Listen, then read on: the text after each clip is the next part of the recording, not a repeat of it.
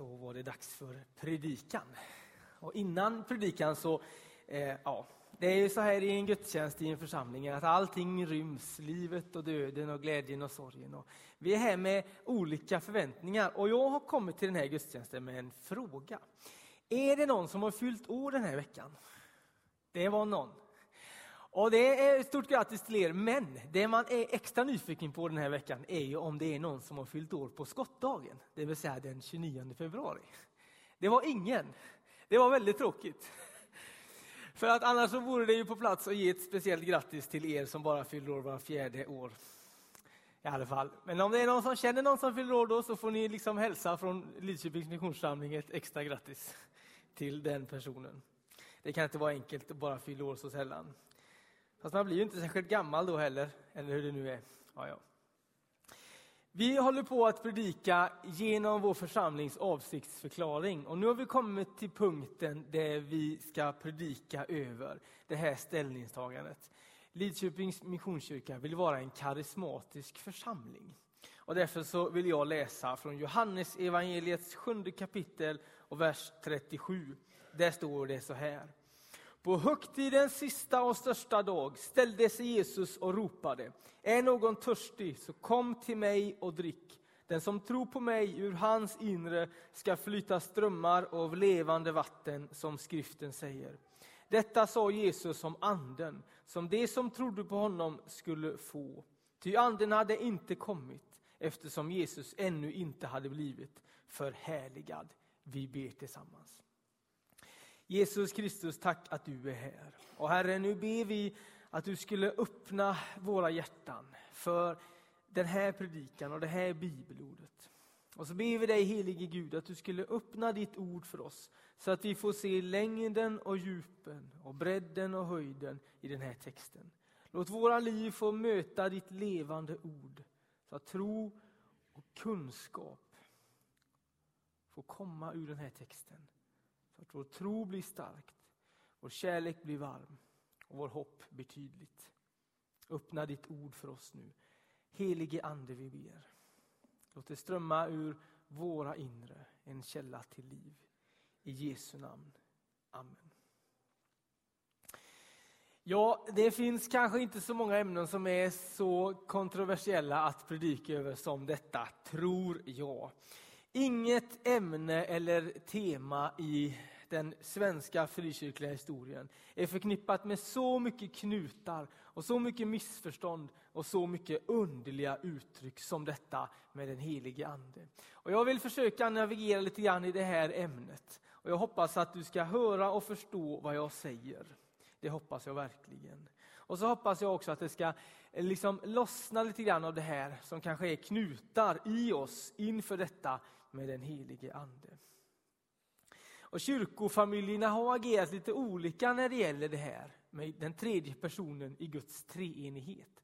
Och så har man i vissa fall agerat på det sättet att man har sagt så här, ja vissa har fått del av Gud i sitt liv, alltså den helige Ande, men en del har inte fått det. Och så har man liksom vägt och mätt varandras tro och man sagt så här, ja du är så här bra och du är inte så bra. Och jag har faktiskt varit med om det också, att jag har fått frågan, är du en kristen? Ja, det är jag. Och sen har jag också fått frågan efter det, har du också då fått den helige ande? Precis som att det skulle vara ett alternativ. Och så tänker en del, och jag respekterar det. Så kan man möjligtvis tänka. Men jag vill säga så här, jag tror annorlunda. Och jag kanske till och med just nu, eftersom det är bara jag som pratar, skulle kunna säga så här. Jag tror så som Jesus sa. Det är ju ett litet kaxigt uttalande kanske, men jag tror ändå så här. Att som kristen, som troende, så har man fått den helige Ande. Men man kan vara mer eller mindre medveten om detta.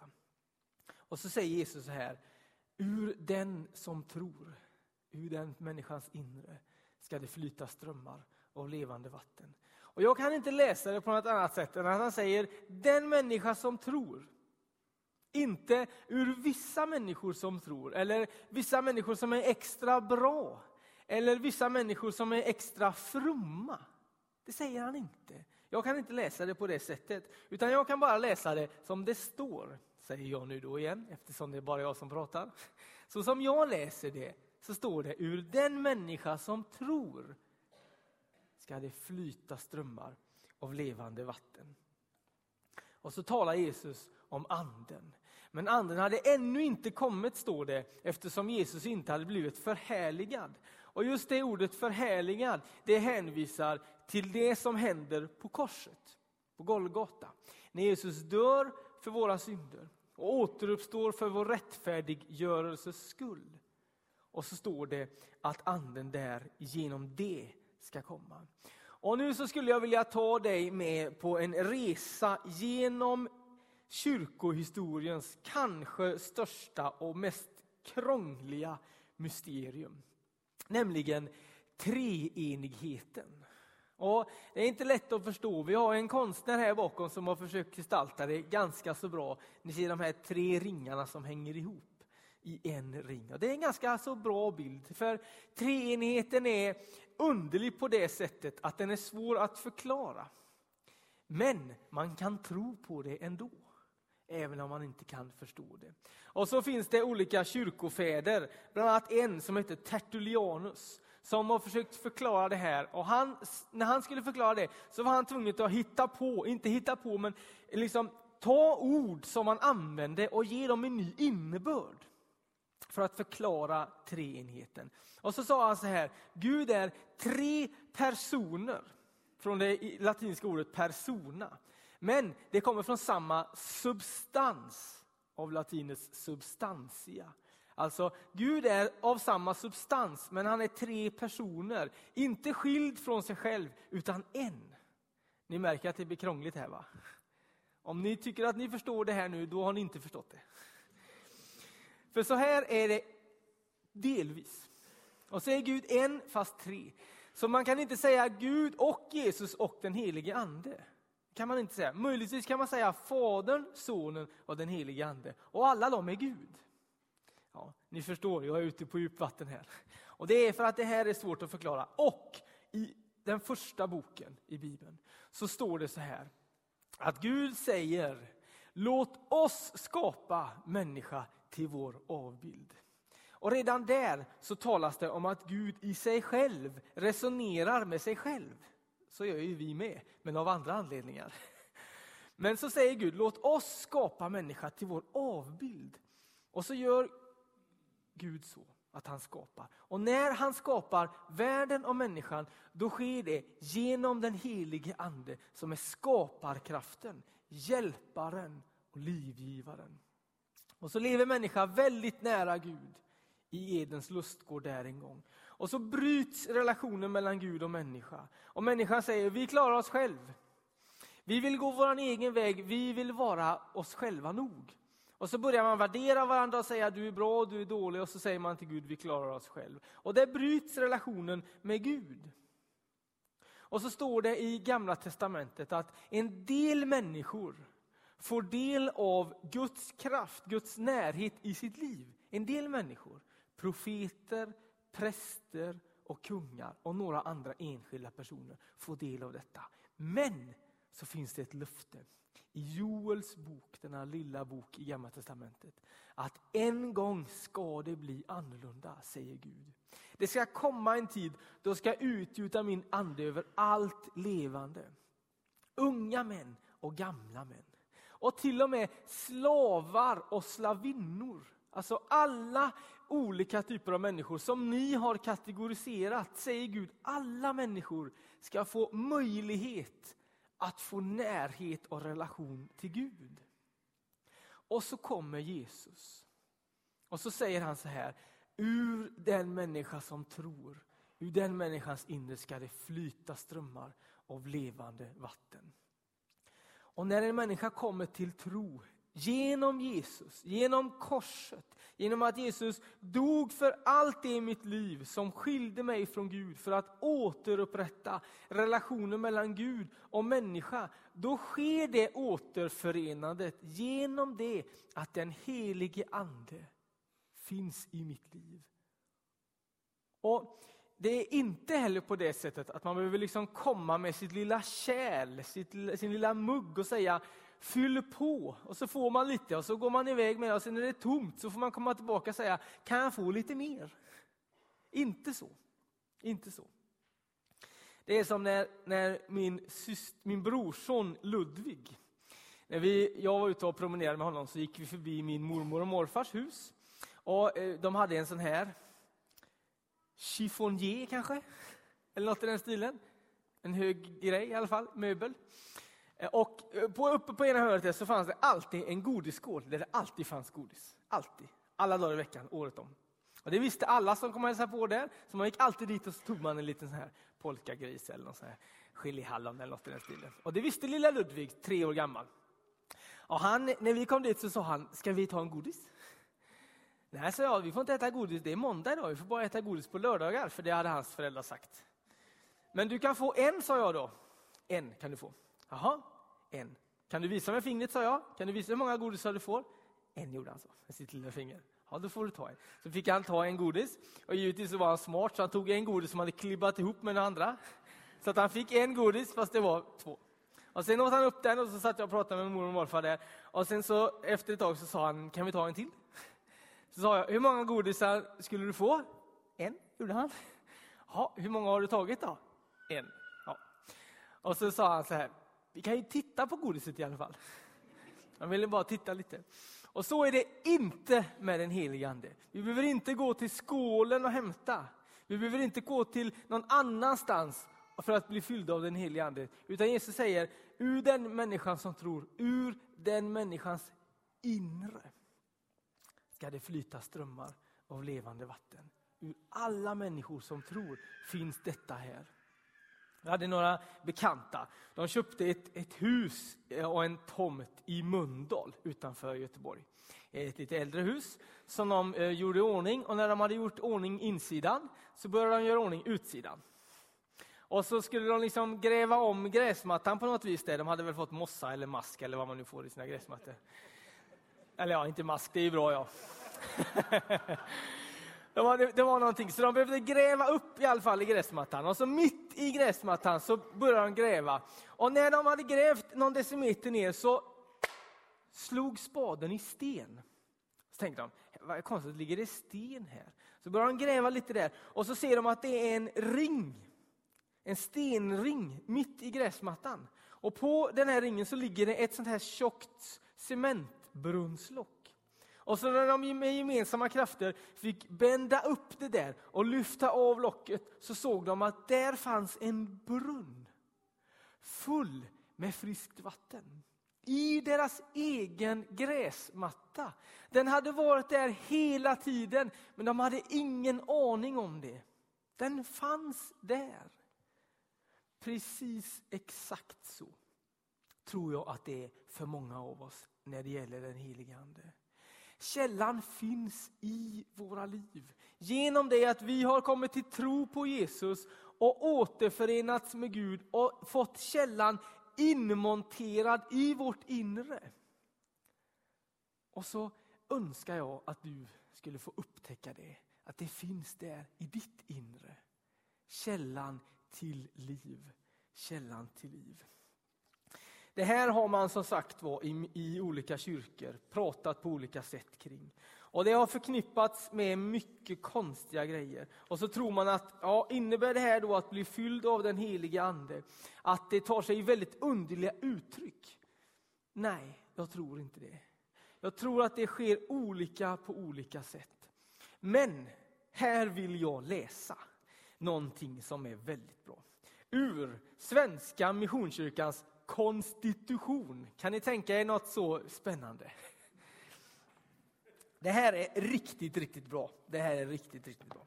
Jag vill läsa från eh, Svenska Missionskyrkans konstitution. Den har varit oförändrad ett tag. Det här råkar vara 2008 års upplaga, men den är, texten är fortfarande densamma.